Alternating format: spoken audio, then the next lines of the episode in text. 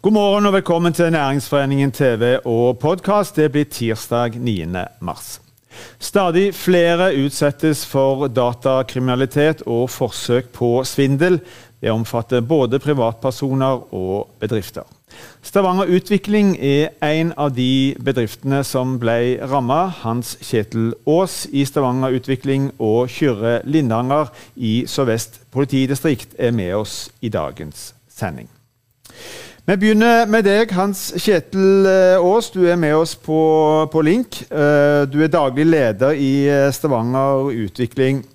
Aller først, bare si litt kort om hva, hva er det Stavanger Utvikling driver med?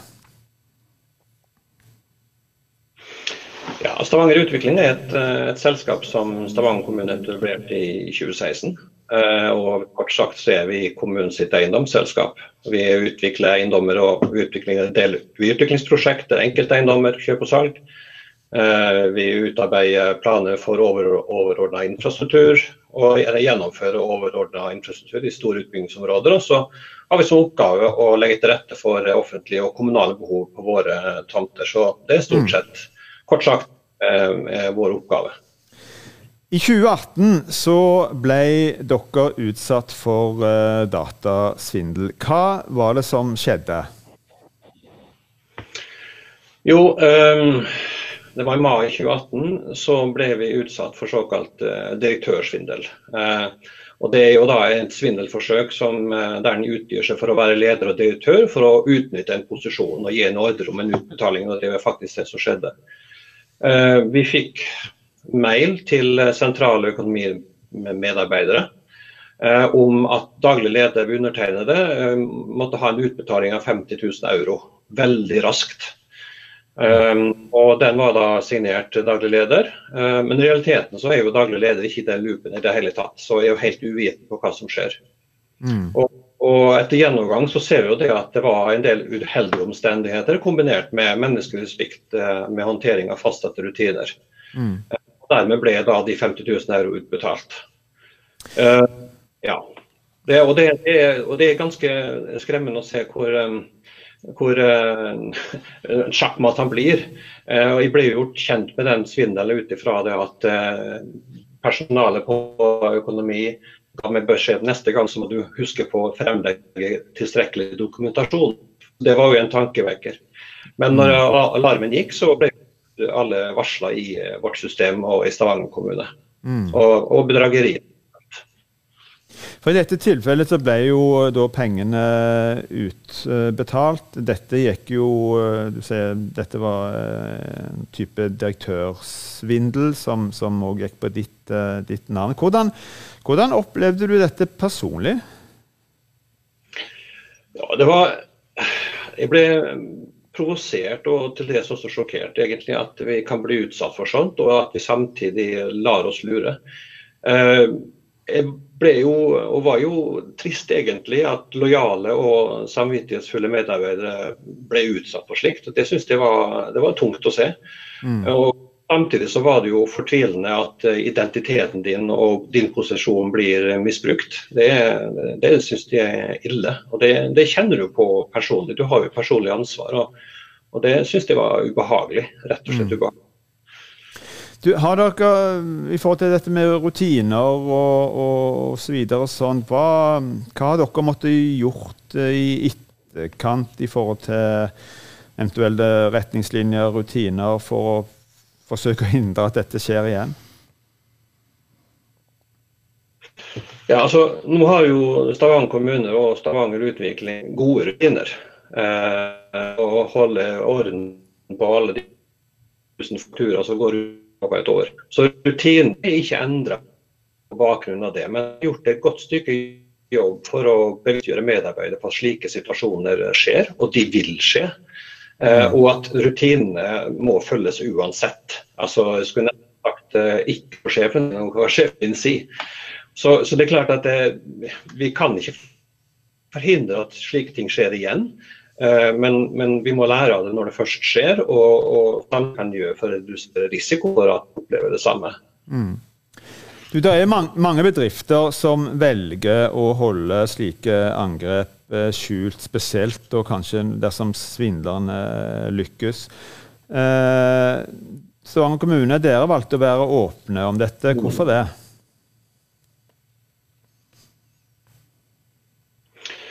Ja, altså vi hadde tenkt sånn at altså vi hadde absolutt ingenting å, å, oppnå ved å holde det skjult. Snarere tvert imot. Eh, vi tenkte at eh, Stavanger kommune, Stavanger Utvikling, vi har et eh, samfunnsansvar. Vi forvalter innbyggerne sine verdier, og da må vi bidra til å, å løfte ut og få, å få, synliggjort slike situasjoner, slike uheldige forsøk som vi blir utsatt for.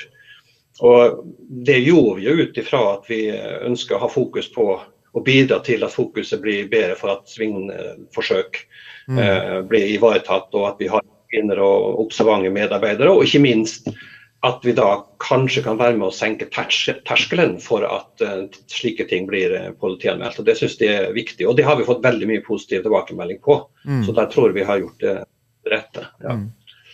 I dette tilfellet, for du hører jo av og til om at uh, noen sier at det ikke er noen vits å anmelde fordi at det er det kommer ikke noe ut av det likevel. Eh, hvis jeg oppfatter det riktig, så, så, har man i dette tilfellet lykkes å ta gjerningsmennene. Det har òg falt en, en dom. Hva, hva, hva, var utfallet? Jo, eh, når det først gikk så galt, så greide vi jo å anke inn det meste. Og i to år vårt engasjement og offensiv holdning for å forsøk vi har blitt utsatt for i ettertid ettertid så har vi da, eller politiet og, og eh, påtalen greid i Slovakia, eh, der vi faktisk da ble til, tilkjent 36 000 euro. Mm. Eh, som da blir eh, tilbakebetalt eh, oss. Så det er jo veldig hyggelig, da. Mm. Absolutt. Du, Helt til, til slutt, eh, Hans Kjetil. hva råd vil du gi til, til andre bedrifter eller organisasjoner som som eh, skulle bli utsatt, eller som er utsatt for det samme som dere?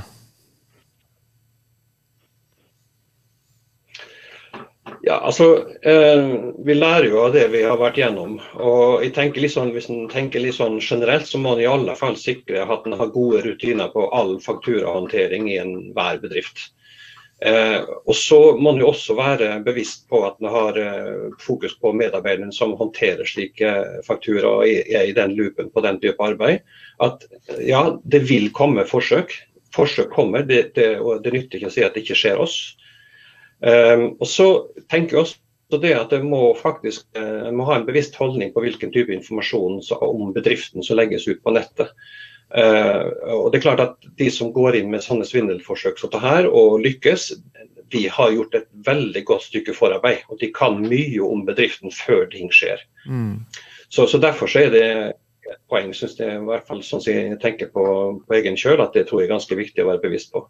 Og så Det siste er jo den erfaringa vi har hatt òg, at, at politianmelder alle svindelforsøk, store og små. For da kan du etter hvert få et visst mønster for det. Så det, det er la oss si, mine fire anbefalinger som jeg ville gitt uh, til alle. Og Det gjelder både offentlig og privat sektor, selvfølgelig. Mm.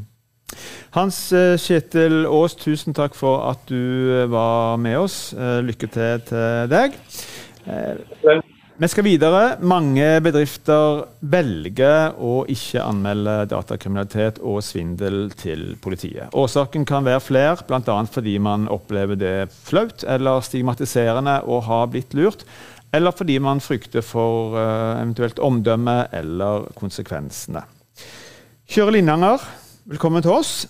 Du er næringslivskontakt i Sør-Vest politidistrikt.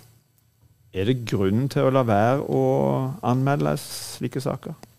Nei, jeg syns uh, sånne saker skal uh, anmeldes. Og jeg går ut med en klar oppfordring om å anmelde alle forsøk på, på bedrageri.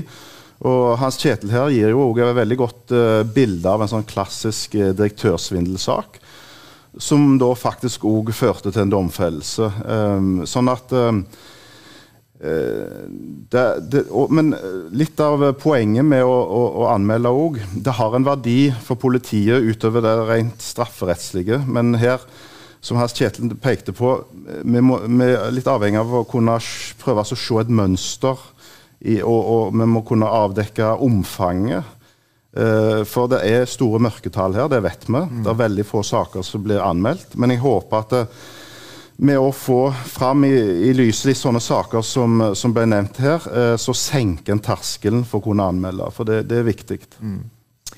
Men så hører vi jo øh, jeg, stadig vekk om at disse svindlerne de er så vanskelige å avdekke. De mm, oppholder seg i utlandet, og, og, at derfor er det liksom ikke noen vits å ta kontakt med politiet. Stemmer det? Eh, det er ikke til å stikke under en stol at denne type saker er veldig ressurskrevende og ofte vanskelig etterforska helt til mål. Eh, men når det er sagt, så har vi faktisk en god del eksempler på at nettopp det har skjedd. For det at politiet har veldig mye forskjellige verktøy i verktøykassen eh, som en kan bruke. En har tilgang til, til både kompetanse og ressurser òg på tvers av landegrensene. Uh, her, det, her, skjer det utstrakt samarbeid med andre lands justismyndigheter. og Det har vi òg eksempler på at det har ført fram til faktisk pågripelser og domfellelser, og òg tilbakeføring av, eh, av, eh, av, penger som blir stjålet. Mm. Så, så, ja, det er krevende, men, men det er mye god kompetanse både her lokalt i Sør-Vest politidistrikt i datakrimmiljøet der, men òg i forhold til, til Kripos og, og datakrimsenteret der. Hender det at politiet sjøl oppdager svindel og datakriminalitet der, der en faktisk har eh, der svindleren har lykkes, eh, men der bedriften ikke har vært i kontakt med politiet? Eh, det skjer fra tid til annen. og Senest hadde vi eksempel på det her i høst i, i vårt politidistrikt. Eh, der vi ble varsla om et forsøk på et phishing-angrep mot en eh, kommune her i fylket. Eh, og Det var på bakgrunn av en, en, etterforskning som skjedde i Oslo politidistrikt. og Der fikk vi tatt tak i det og varsla kommunen, som da igjen tok grep. Og, og, og der fikk en avverga faktisk et mulig bedrageriforsøk. Mm. ja. Du, hvor, um, ikke om dere har noen oversikt over det, men hvor, hvor mange slike saker innrapporteres eller anmeldes til, til dere i løpet av et år? Mm. Jeg, eh, jeg, gikk gjennom tallene litt og kikket. Eh, for å gi et eh, lite bilde av det, da. Altså fra 1.7 i fjor til, til nyttårsskiftet så var det 49 eh, anmeldte bedragerisaker der en bedrift var fornærma. Mm. Og Minst 15 av de sakene uh, var relatert til internett, altså internettbedrageri. Så, så, det er en hel del, men igjen veldig mye mørketall. Vi skulle gjerne hatt enda flere anmeldelser. Mm. Mm. Betyr det at du frykter fortsatt at det er mange bedrifter der ute som enten har blitt forsøkt svindla, eller som faktisk er blitt svindla, som aldri tar kontakt? Ja, og det er det, det, er jo det vi har forstått. og jeg, jeg, jeg, hører jo litt om bedrifter som, uh, som, gjerne tar kontakt for å søke råd. da. Uh, som gjerne ikke har tatt og gått steget til å anmelde. Uh, og, og, grunnen er, er veldig si, Det er mange grunner til det. og du nevnte litt i begynnelsen. Altså Det kan gå på omdømmetap og det ene og det andre. Det, og, og, og bare det at de ser det som litt uh, mye administrasjon å sette seg ned og liksom formulere en anmeldelse og sånn, men det, det, bør allikevel ikke være et hinder. For det at uh, vi kommer iallfall ikke noe videre med dette her. Hvis vi har for store mørketall, så er det veldig krevende for oss å faktisk talt å vite hvordan vi skal ressurssette norsk politi for å møte denne mm. utfordringen. For dette her skjer as we speak. Det skjer hver dag. Det er utrolig mye av det. Så her håper jeg at bedriftene forstår litt alvoret og verdien av å inngi en anmeldelse. Er det, jeg, er det noe mønster her, eller er det tilfeldig hvem som rammes? Og da tenker jeg litt sånn i forhold til bedrift, bedriftslivet. Eh, hvis vi tar for oss fenomenet med løsepengevirus, altså den typen bedrageri, eh, så går det mer på omfang og automatisering. Mye av det der er automatisert. Det vil si at eh, det ser ut som at det rammer litt vilkårlig en går ikke målretta på den og den bedriften, men det er i stor grad automatisert. Eh, så de har et eller annet system som på en måte prøver å, å trenge gjennom systemene til bedriftene. Så Dermed så kan, betyr det at det kan ramme hva som helst organisasjon bedrift eller statlig offentlig etat, og òg privatpersoner. Men, mens andre former for bedrageri er litt mer sånn målretta. Så dette varierer veldig.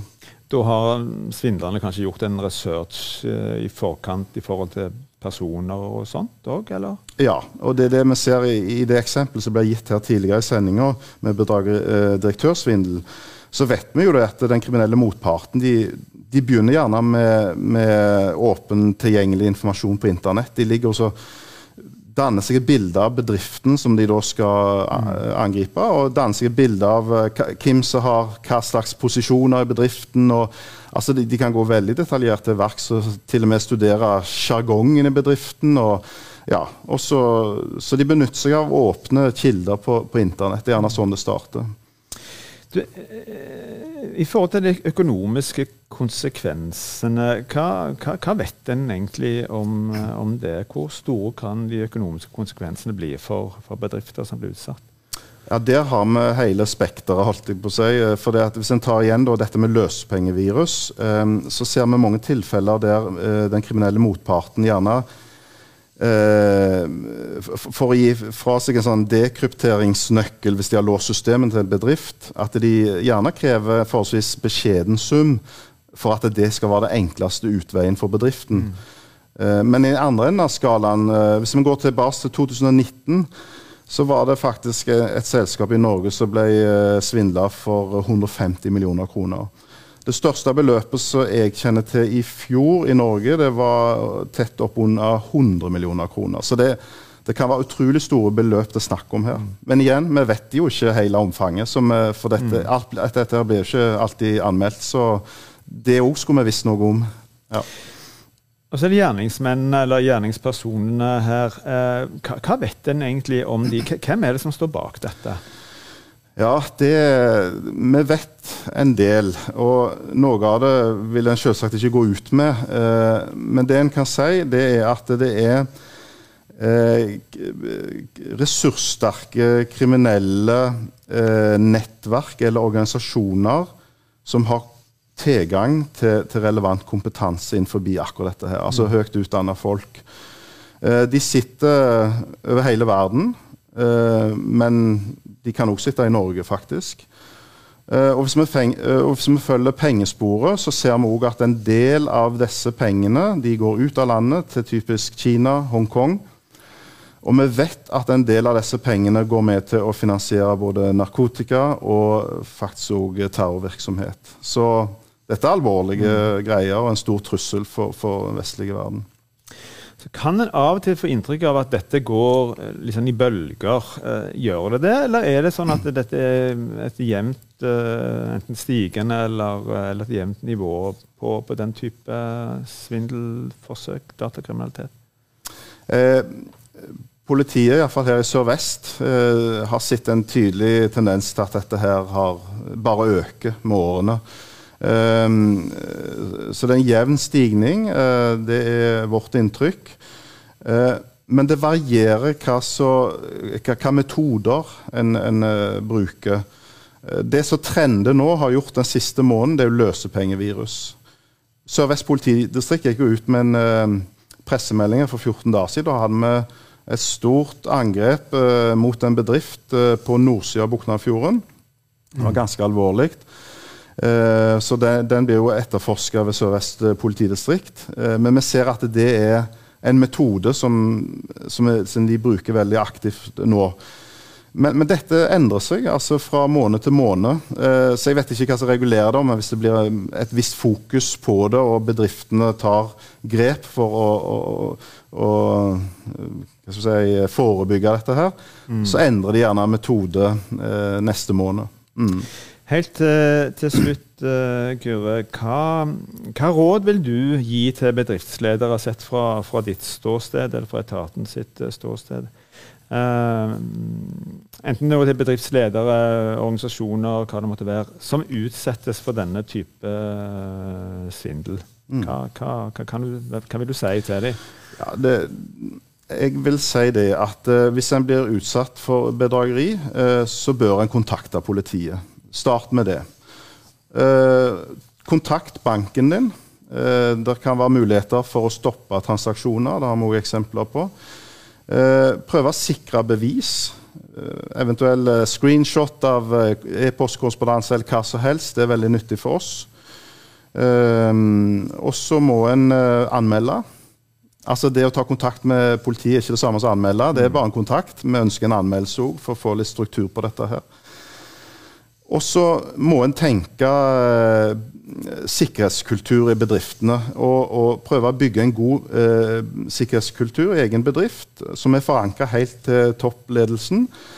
Og der en oppfordrer medarbeiderne sine om å ha en god digital hygiene. Mm. For som jeg sier, det er veldig ressurskrevende å eh, etterforske den type saker, men det er veldig enkelt å forebygge.